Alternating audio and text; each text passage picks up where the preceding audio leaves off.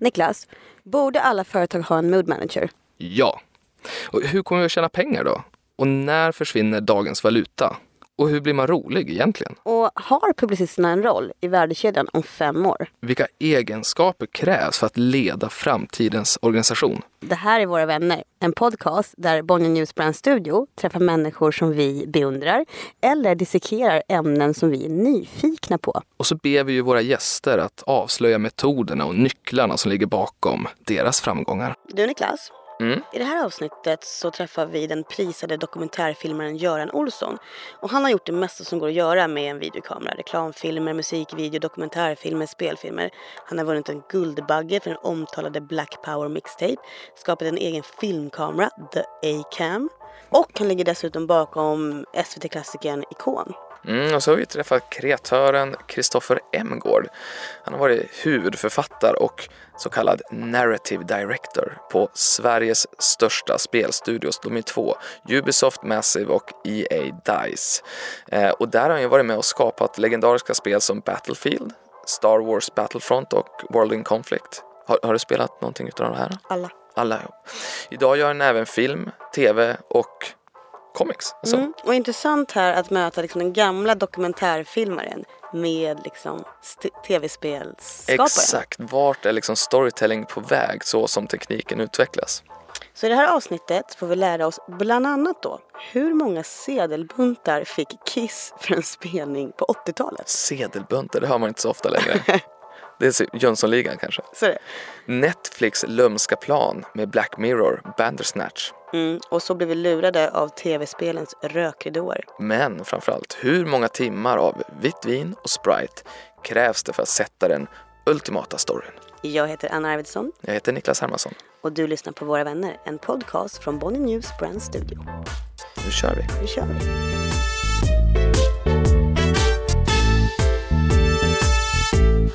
Göran och Kristoffer, välkommen hit. Tackar, tackar. Tack så hemskt mycket. Hur är läget?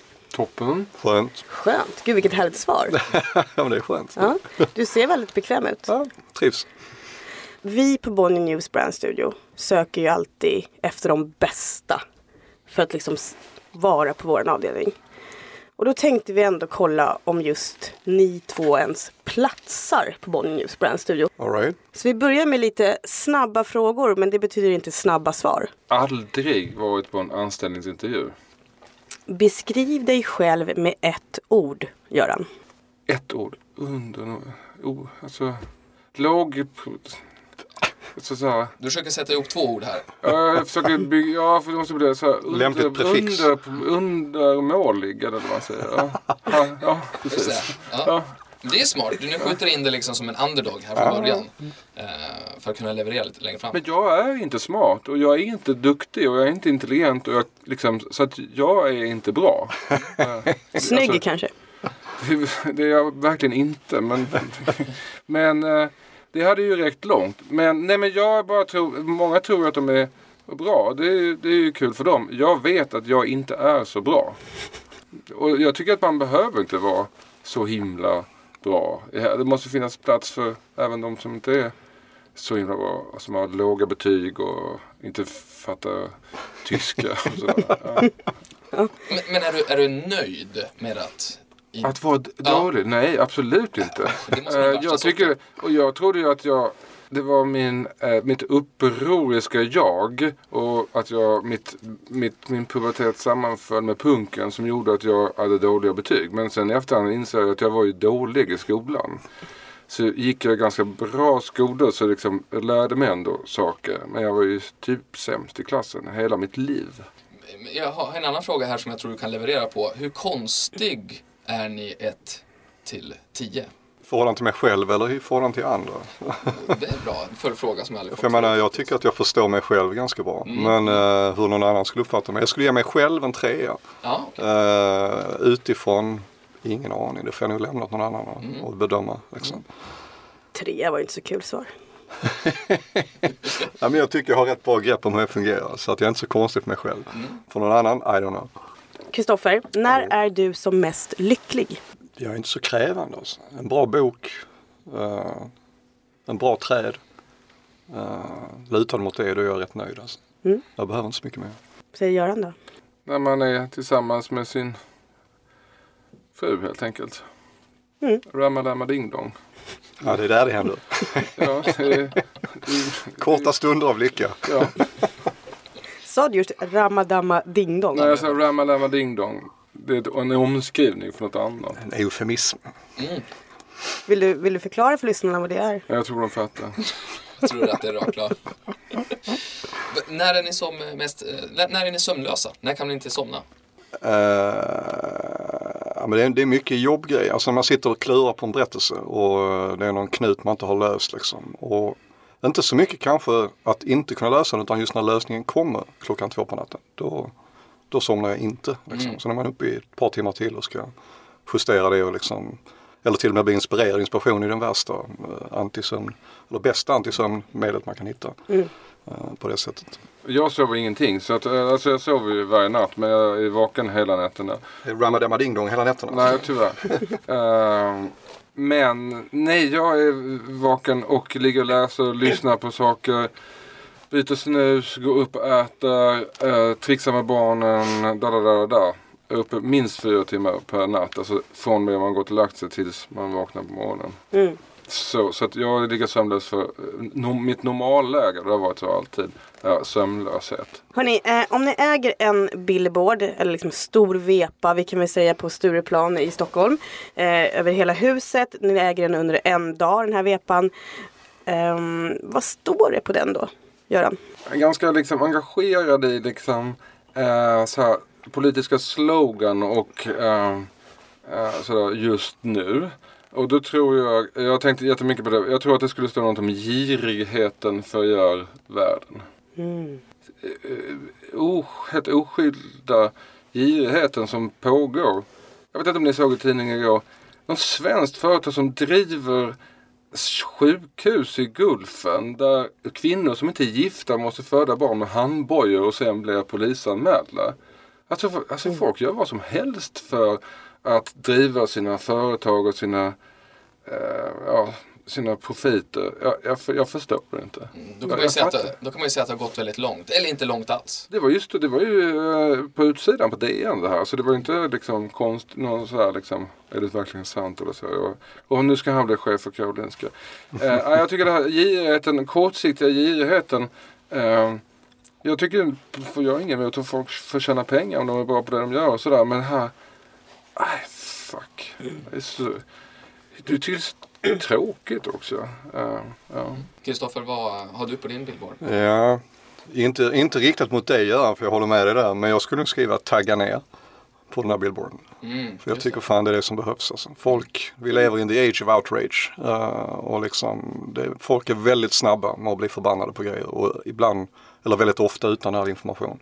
Eh, och så sätter det igång de här cyklerna igen och igen och igen. Och jag, tagga ner, tycker jag. Det Jag tycker det är lite samma sak. Ja, jag- ja det är i och för att sig liksom- någonstans. Att det här, Den går ju helt emot min då som skulle vara våga och vinn. Kan ja, man säga. det, det gör det. Det gör den ja. Just det. Jag går i ditt spår där. Jag skulle säga så här, you will die. Ja, ja, memento mori. Okej, ny fråga. Om ni vaknar upp imorgon och hade fått en superkraft. Vad är det för någonting? Röntgensyn. Det skulle vara supercoolt. Det kan man ju ha, använda hela tiden. och kunna se in i hus och, och, och vilken enorm grej alltså. Mm.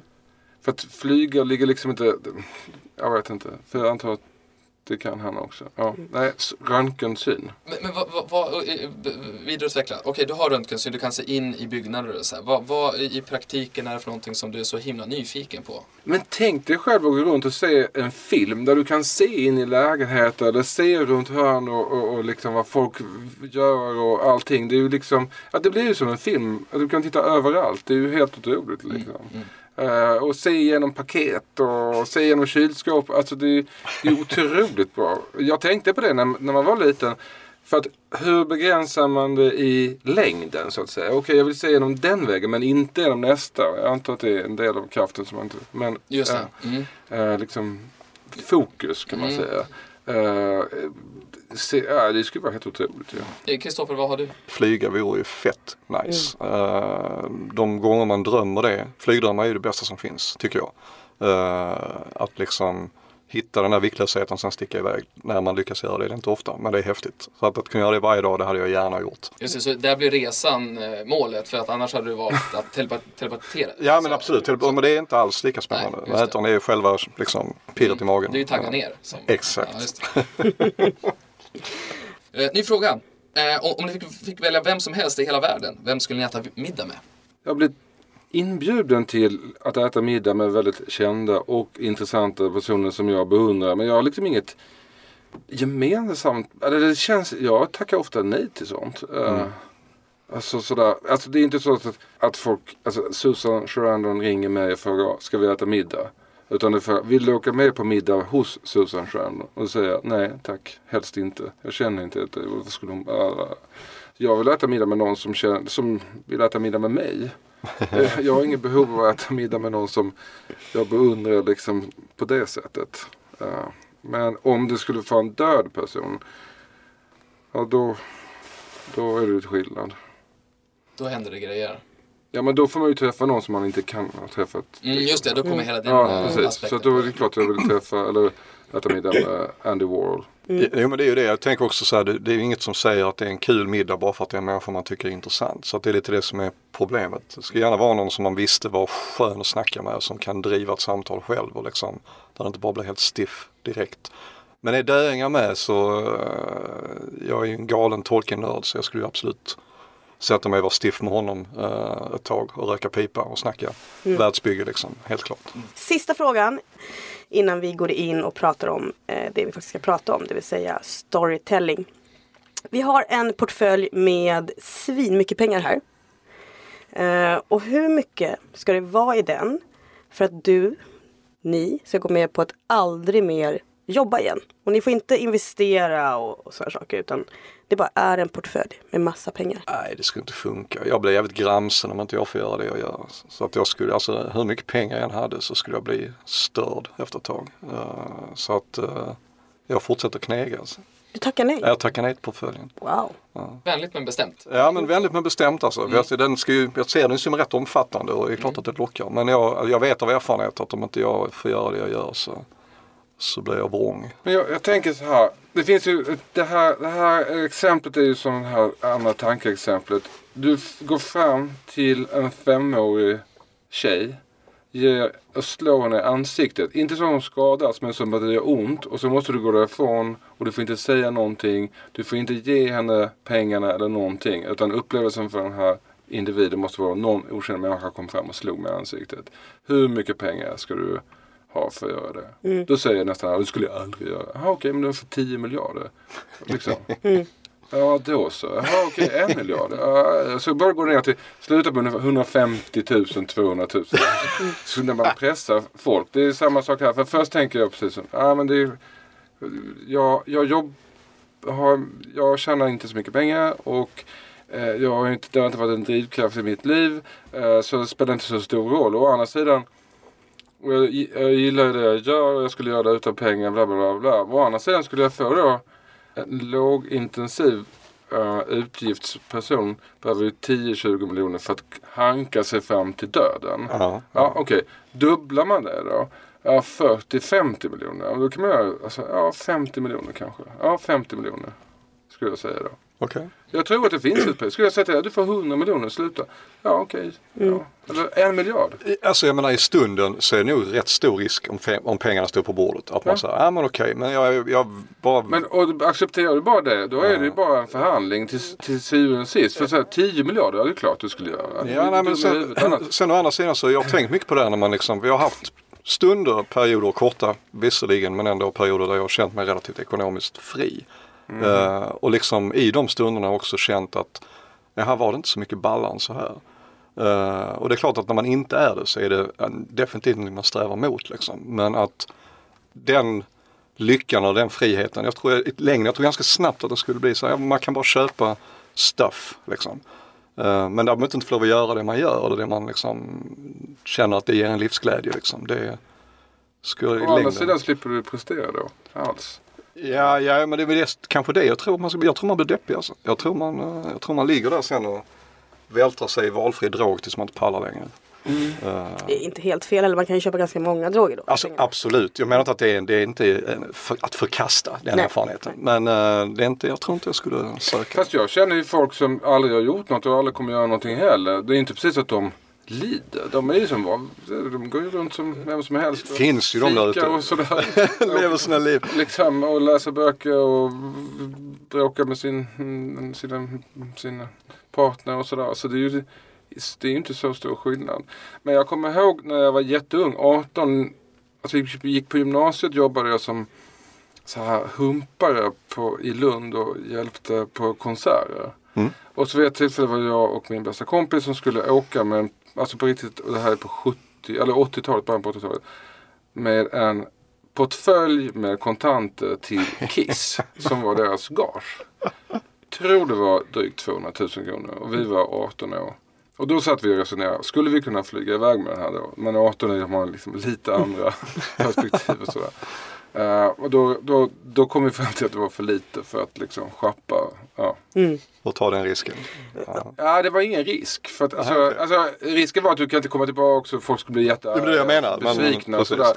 och man skulle bli saknad och liksom, äh, illa omtyckt. Men alltså, ja, det, var, det, det krävs mer pengar, det är väl det jag försöker säga, än vad man tror. Ja.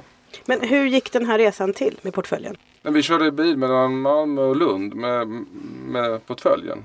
Upp till ett hotellrum eller? Nej, bak på Malmö isstadion. Alltså ja, till gigget kan man säga. Vad jag kommer ihåg, det är ju lätt 30 år sedan. 40. Wow, Mm. otroligt. Att åka med liksom en portfölj med 200 000 Till Kiss. till Kiss. På den tiden så var ju kontanter, man hade ju kontanter på ett annat sätt. Det var också förbjudet, jag har också varit med då på den tiden. Man fick inte föra ut mer än 7500 kronor från Sverige. Om du skulle åka på en resa eller sådär. Ja, jag kommer ihåg en gång jag åkte till Rom och smu- smugglade kontanter. Åt någon, ja, Hur? Men då har det varit många pengakurir-sysslor i ja, faktiskt. bakgrunden. Ja, det är två gånger jag har gjort det. En gång till Malmö isstadion, en gång till Rom. Men hur smugglade du pengarna? Men vi hade dem bara på oss. Det var inte så mycket, kanske 50 000. Ganska mycket ändå. Då. Ja, då var det det. Ja, det var ju jobbigt att glida runt med. Eh, det var det. Jag kommer faktiskt inte ihåg vilken valuta det var heller. Eh, Jag tänkte bara på den där som du pratade om att eh, slå en femåring i ansiktet. Den andra Ja. versionen den är ju dränka en kattunge. Ja, Där man då oftast, när det liksom kon- djur kontra barn. Och där märker jag att man kan gå ner ännu mer. men är det någon som har gjort det? Det alltså jag har inte gjort det, men jag har avlivat en katt. Alltså hos veterinären. Det är ju, det är ju mycket jobbigare än vad man tror. Mm. Rent mentalt eller Ja, fysiskt? ja, både och. Är mitt fall, eller det, här, det var inte mitt fall, det var kattens fall. Så gick det inte, det tog 40 minuter innan den verkligen dog. Det var ju, det var så, ja, Du ströp en katt i 40 minuter? Nej, nej, nej, nej. Jag höll den medan de injicerade olika saker som skulle döda den, vilket misslyckades. Ja, det är hemskt. Jag har slagit ihjäl en sån här oljeskadad fågel när jag var liten. Eh, Som led liksom. Mm. Ja, det är ju mycket värre än vad man tror alltså. Och plåga ihjäl någonting. När Göran kom in här med sin kamouflagejacka och en Angola-påse så visste jag att det här kommer bli någonting speciellt. Hörni, eh, jag och Niklas Hermansson i den här podden träffar ju människor som vi beundrar. Eh, och ni är ju två etablerade storytellers. Men ni skapar liksom historier i olika format kan man säga. Du Göran, du har ju gjort ganska mycket dokum- dokumentärfilm. Du ligger också bakom SVT-klassikern Ikon och också Elbyl, uttalar man det så? Ja, jag var bullen för unga vuxna, 18 till 25, med lite bäring på ehm, folk som hade andra bakgrunder än typiskt svenska. Men jag var alls icke ensam om Elbyl. Då var vi 25 personer.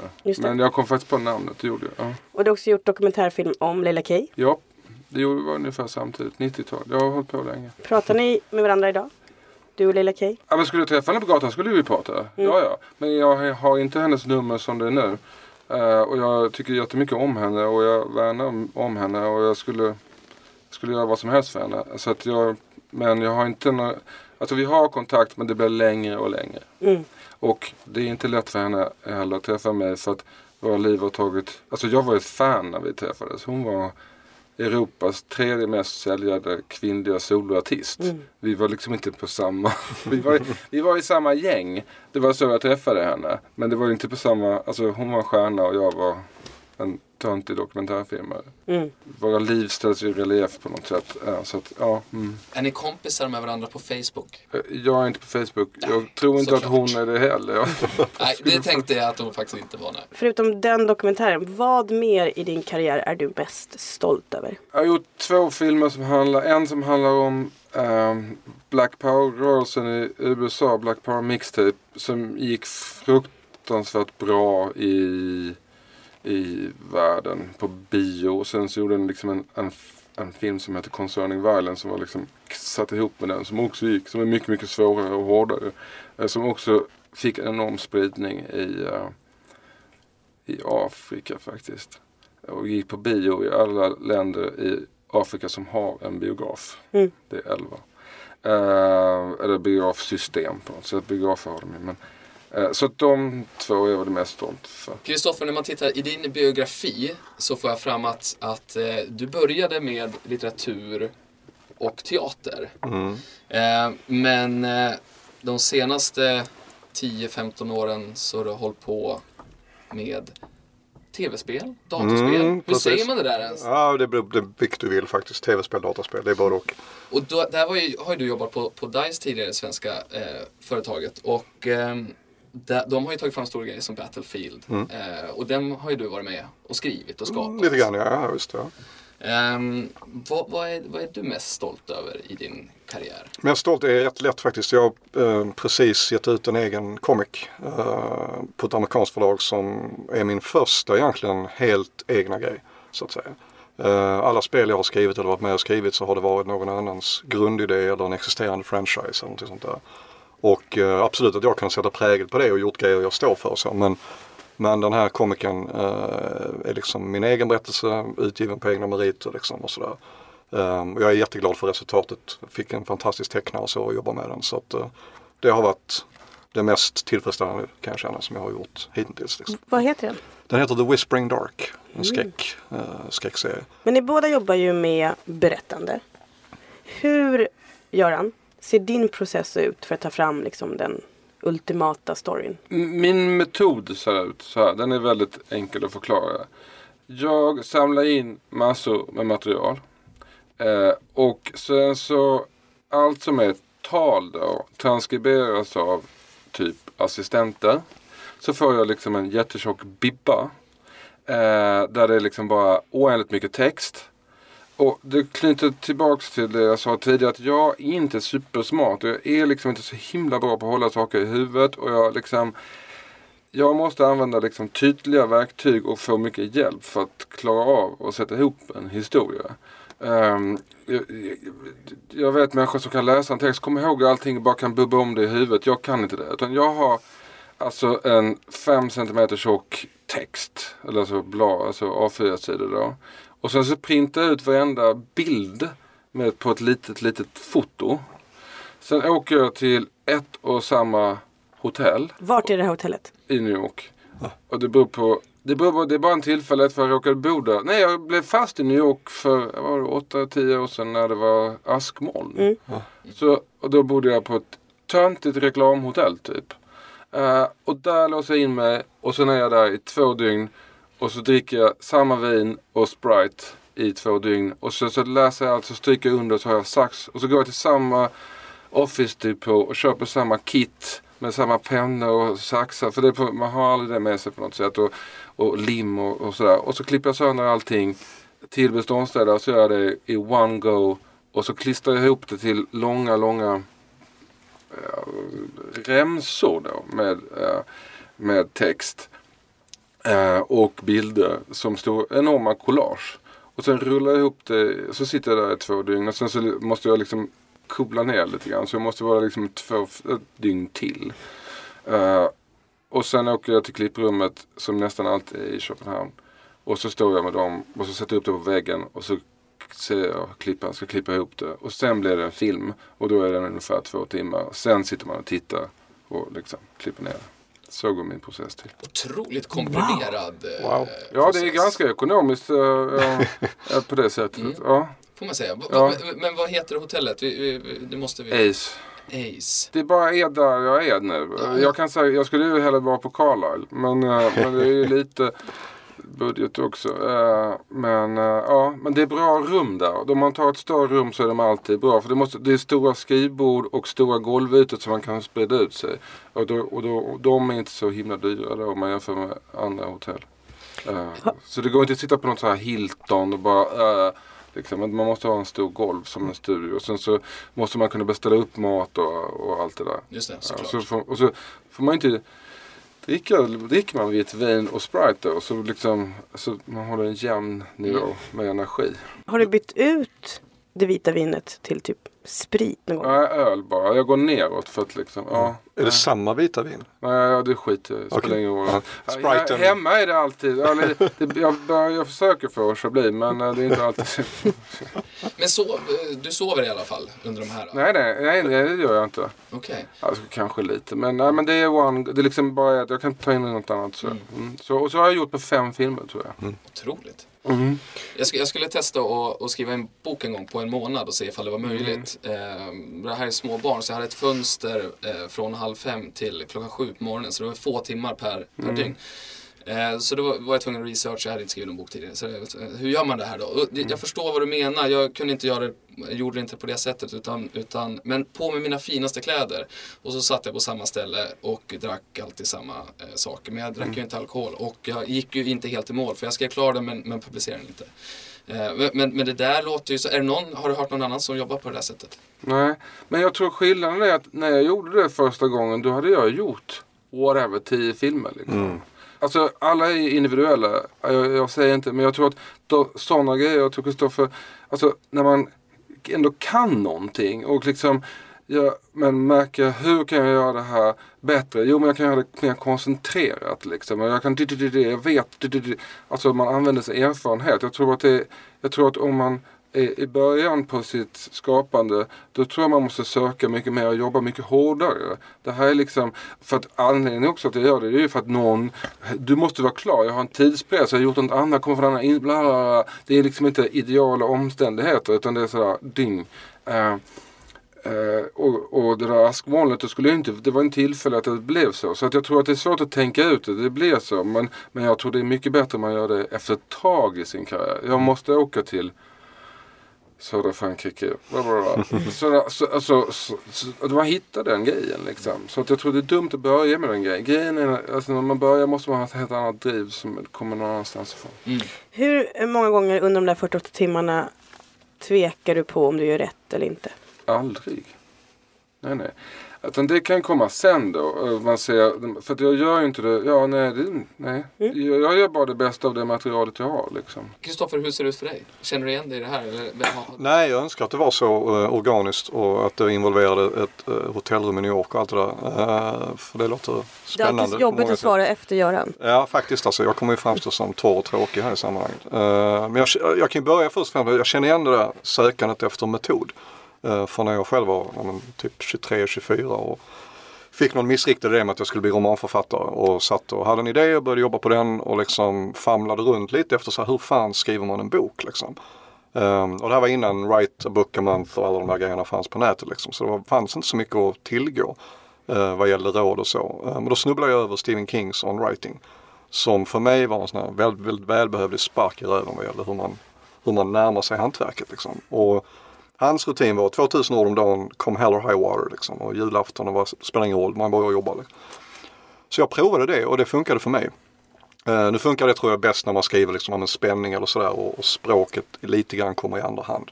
Um, jag kan förstå om man behöver mycket mer tid på sig om man ska jobba mer liksom, språkfokuserat. Men för att bara berätta någonting. Så dels det och dels att inte titta tillbaka. Bara få ut sitt första utkast så fort det bara går.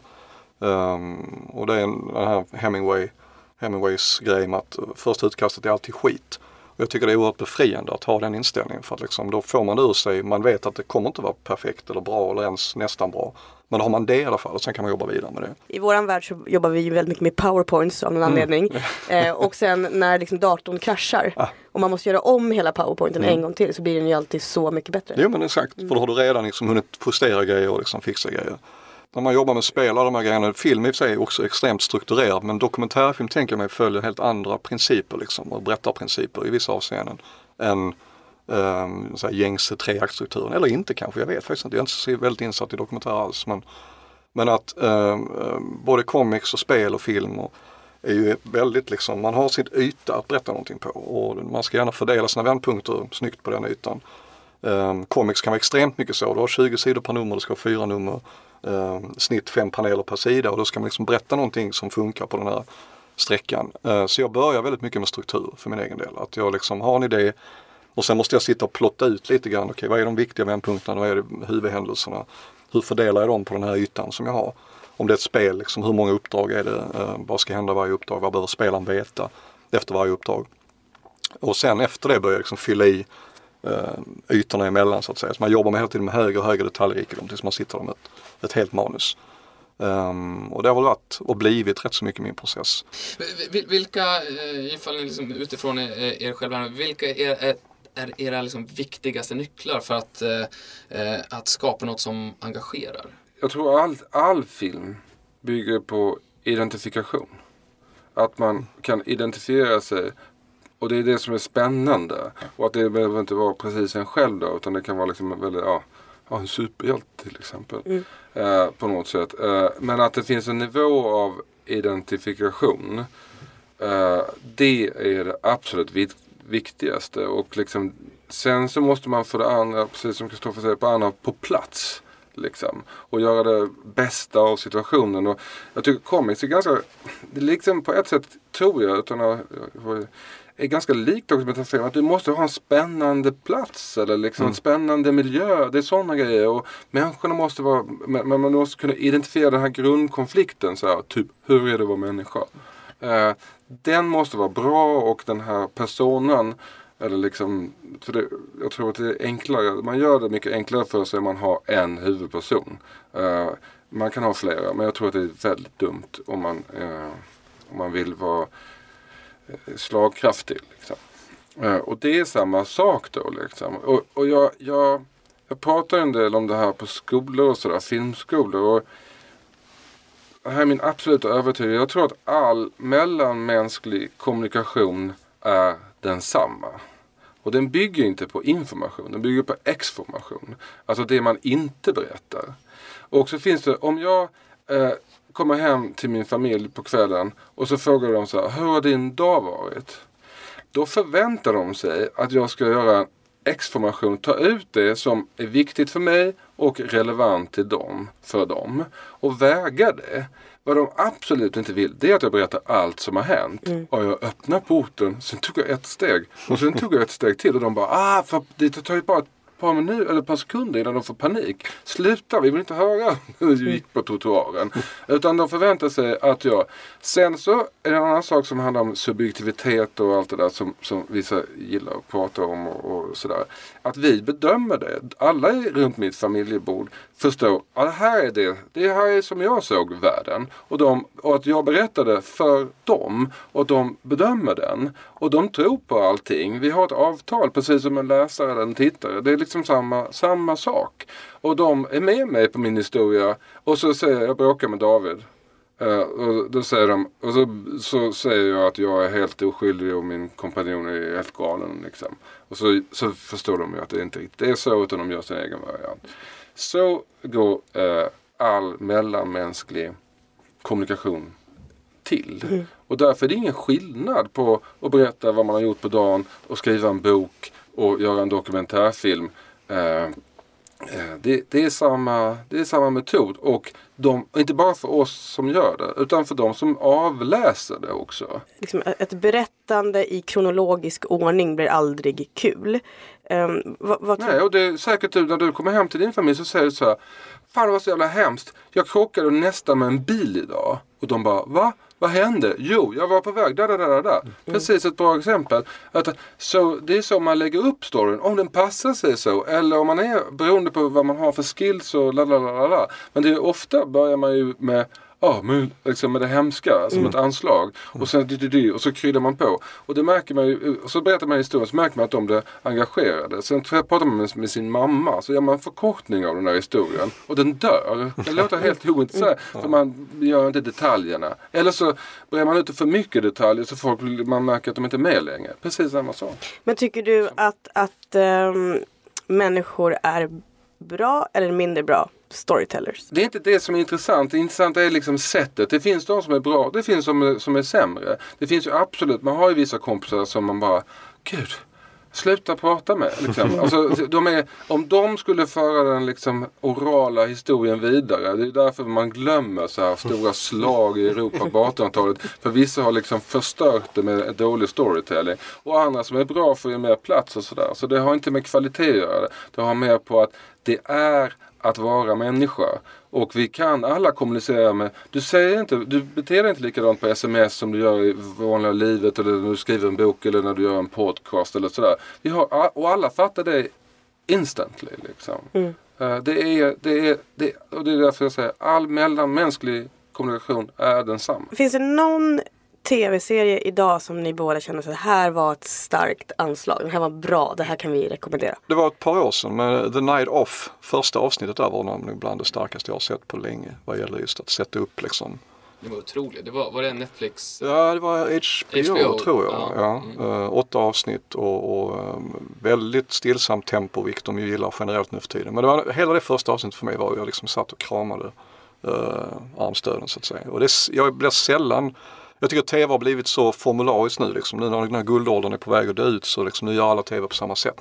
Men jag tycker ändå de lyckades sätta någonting som var förbannat starkt. Liksom. Har du någon Niklas? Jag är lite så här att eh, när man får frågan eh, bästa tv-serierna så är det ungefär som att man fastnade precis som i musiken där man var 17 till 20 ja. liknande. Ja. Eh, också en väldigt konstig fabläs för ifall jag ska spela ny musik så kollar jag på min telefon och så ser jag tangentbordet och då är det A alltid eh, att vara Teenage Riot och B Breach. Alltså så. Så att det, den, eh, den, min direkta eh, svar blir alltid så här. Eh, The Wire, Vita huset och eh, Sopranos. Ungefär som hela världen tycker. Det är helt sjukt. Eh, för vad som har hänt de senaste två, tre åren det är att, att man har fått 20 nya serier som egentligen är bättre. För de är helt otroliga. Men de kommer i sån ström just nu att jag vet, kan inte ens minnas vad de hette. När du säger A, eh, A Night Off, eh, så jag hade aldrig kommit ihåg den. Den var otrolig. Göran då? Oh, don't go there. Ja, du tittar inte på tv Jag tycker det är så jävla dåligt. Um, jag tycker det är liksom... Ja, för min fru jobbar med det så jag försökte titta på alla första avsnittet för att se vad det var. Mm. Men och, då tittade jag på första avsnittet av True Detective 3. Äh, så tråkigt alltså. Det ser ut som ett tv-spel från 90-talet. Alla himlar är helt över liksom saturated. Och repliken är liksom, jag fattar direkt på liksom, åh jag kommer ihåg säger de. Man bara, nej nej nej, jag kommer inte ihåg. och så bara, eh, och, och man, jag tycker det är så, så himla tråkigt. Uh, då ska du se säsong två, då kommer du att rasa ännu mer. Det, säsong tre. Men det där är en annan sak som är intressant. Att vi tillsammans kan veta innan om det är bra eller dåligt. Jag såg säsong 1. Ingen såg säsong 2 för den var sämre. Men ingen har sett den men man bara vet att den är sämre. Jag plågar mig igenom hela. Ja, okay. ja. ja men, då, så här, men, men det är ett undantag jag vet. Jag, jag, älskar, jag, jag, jag är skitdålig på tv så jag tycker det är så tråkigt. Jag, liksom, och vi bråkar om det där för jag gillar, det enda jag gillar är liksom kul typ då. Arrested development. Hur tror ni tekniken kommer att utveckla konsumtionen av en story framåt? Det händer ju mycket nu. Uh, eh, VR, AR, allt vad det kallas för liksom. Och, och just VR har det varit, jag, jag, sitter, jag har själv en sån här Oculus Rift liksom och jag är blown away av hur, hur lätt det är att falla in i den här, vad det än är man liksom, för värld man kastar sig in i.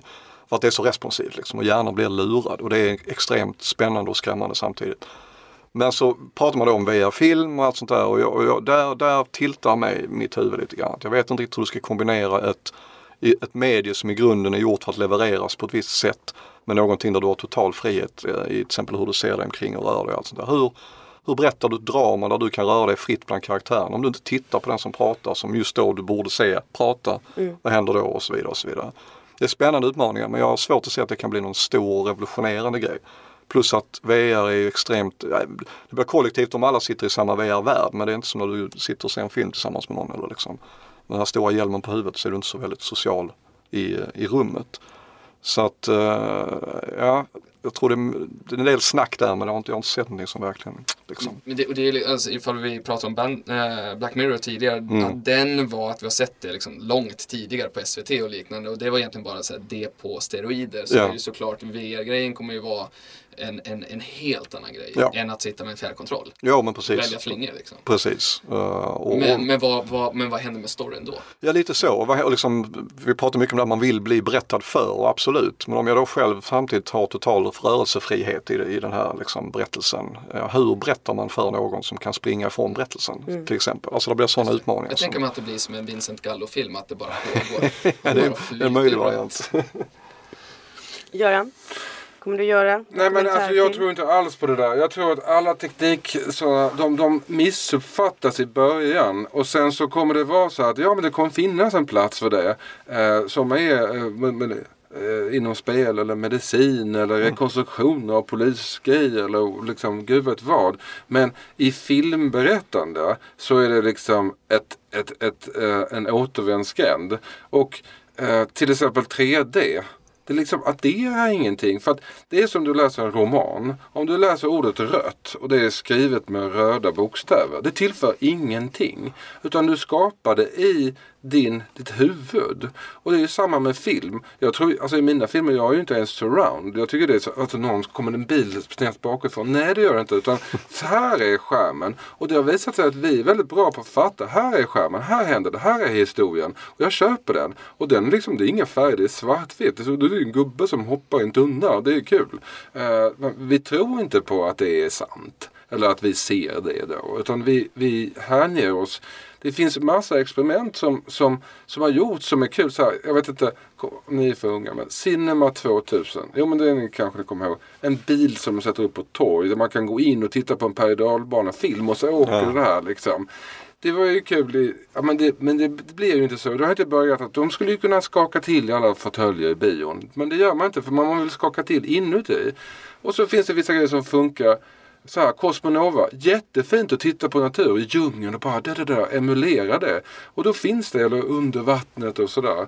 Eh, men i, vi kommer inte bygga sådana Cosmonova i våra hus eller sådär. Så att det, det är, man får vara noga med det där. Sen så, sen så teknikutvecklingen påverkar ju film jätte, jättemycket. Och distributionen och produktionen och liksom eh, kan prata i evigheter hur olika, olika, och, olika kameraapparater, alltså hur kamerans utveckling under de 150 åren har påverkat hur filmerna ser ut och varför de sitter ihop med första, andra världskriget, Vietnamkriget och Gulfkriget. Och det finns massa sådana eh, relationer eh, som är intressanta och viktiga att belysa. Men eh, man, jag vet inte ens om de inte 3D-filmer längre.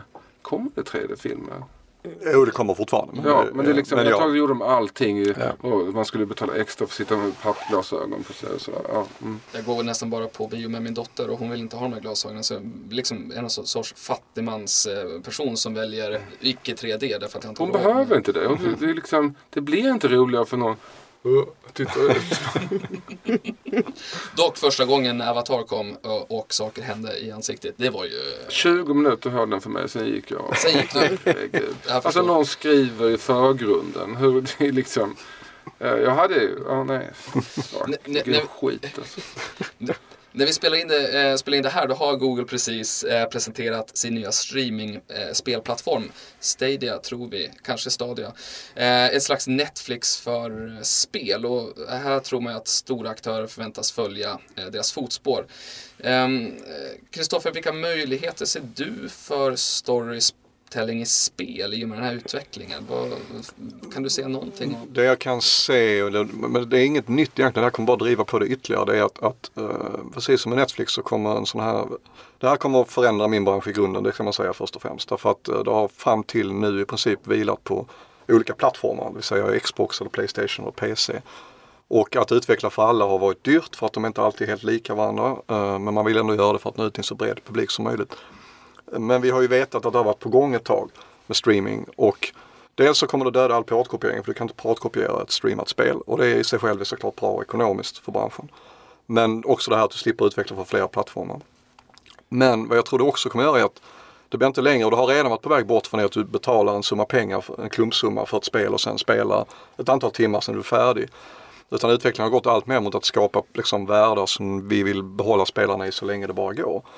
Och där igen då blir behovet av content liksom och i vissa fall då berättelser blir enormt. Mm. Som då liksom skapar nya, mer och mer grejer som håller fast människor liksom och, och fängslar dem så mycket att de vill vara kvar i vad det nu är för värld de spelar i. Om det är en berättelsedriven värld. Det finns ju många spel som inte har någon berättelse att tala om utan det går bara ut på att panga på varandra. Ja men precis, alltså man är färdig. Så att um, jag kan nog mest bara säga att det kommer bli ett ökat behov. Liksom. Och också kanske att, att skapa grejer som är mera, eh, mera öppna. Som kan liksom adderas till, adderas till och adderas till. Eh, mer och mer och mer. Nu har det här redan varit på gång länge så det i sig själv är liksom ingen revolution. Det stora är tror jag att, att eh, du snart kan sitta med bara en handkontroll i handen. Och misstänker jag en 5G-lina för att annars blir det svårt. Um, och lira liksom grejer som förr skulle kostat dig 10 000 kronor i utrustning att kunna liksom komma åt så att säga.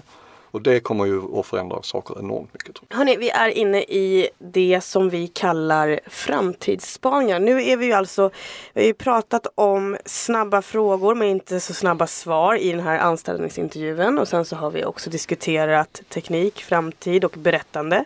Och nu är vi då i sista delen eh, där vi vill ta er lite på tempen hur ni ser på framtiden helt enkelt. Som kommer också vara avgörande om ni kommer att få ett jobb på på din ljusbrännstudio. Flygande bilar, ja eller nej?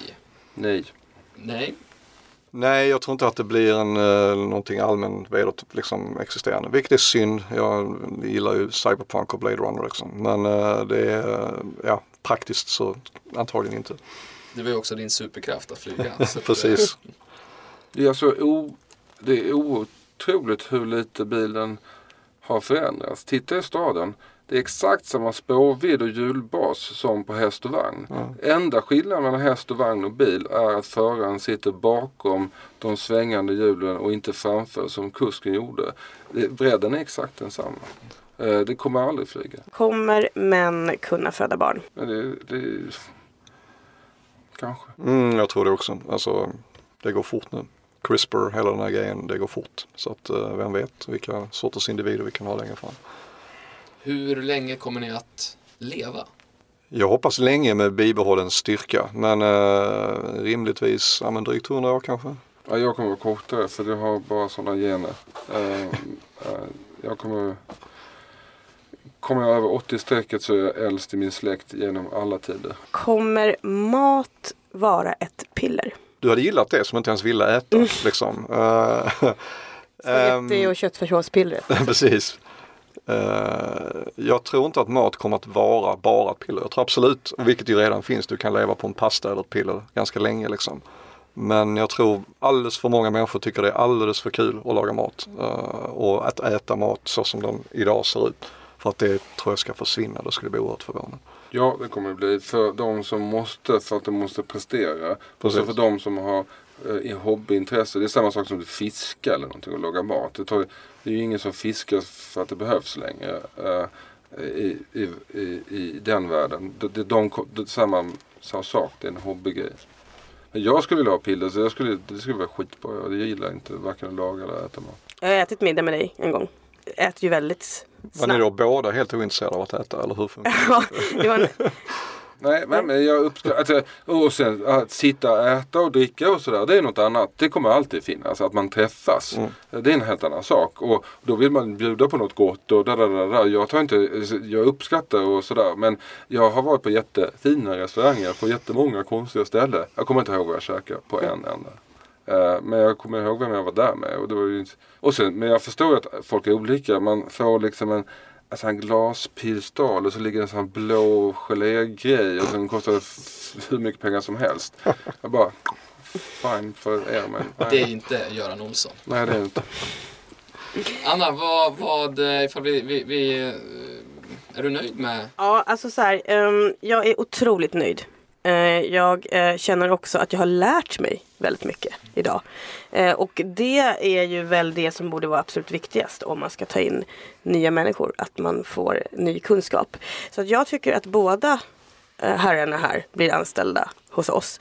Eh, men absolut mest spännande då är ju om ni skulle då få sätta er en egen titel titel. Vad, vad skulle ni vilja göra?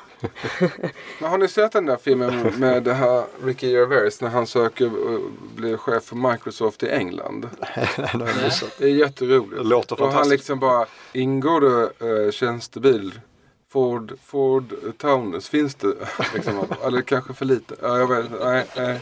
Eh, eh, nej, jag har ingen aning om titel. Liksom director of fun kanske? Jaha, nej. Director of, of Tragedy. Master of Reality hade jag en batch. Ja, mm. Det är väl Nej. nice. En superbra titel. Master of reality. Mm. Vad säger du då Kristoffer? Oj då. Ja, men om man nu är master of reality då, då eh, det blir det blir ju hierarkiskt liksom. Jag kan ju inte, jag mig bredvid eller över det? Precis. Det är svårt. Senior Master Senior master of reality, precis. Um, of Unreality. master of unreality, den tar jag. Den tar jag. Den blir perfekt. Har du ett anställningskontrakt eller Niklas? Absolut. Och den här eh, väskan med pengar som Ja. Kristoffer inte vill ha. Nej, precis. Nej. Alla får tjänstebil. Alla känns En får Taurus till alla. Eh, Exakt. Hörni, tack så jättemycket för att ni kom hit och tog er tid. Tack själva.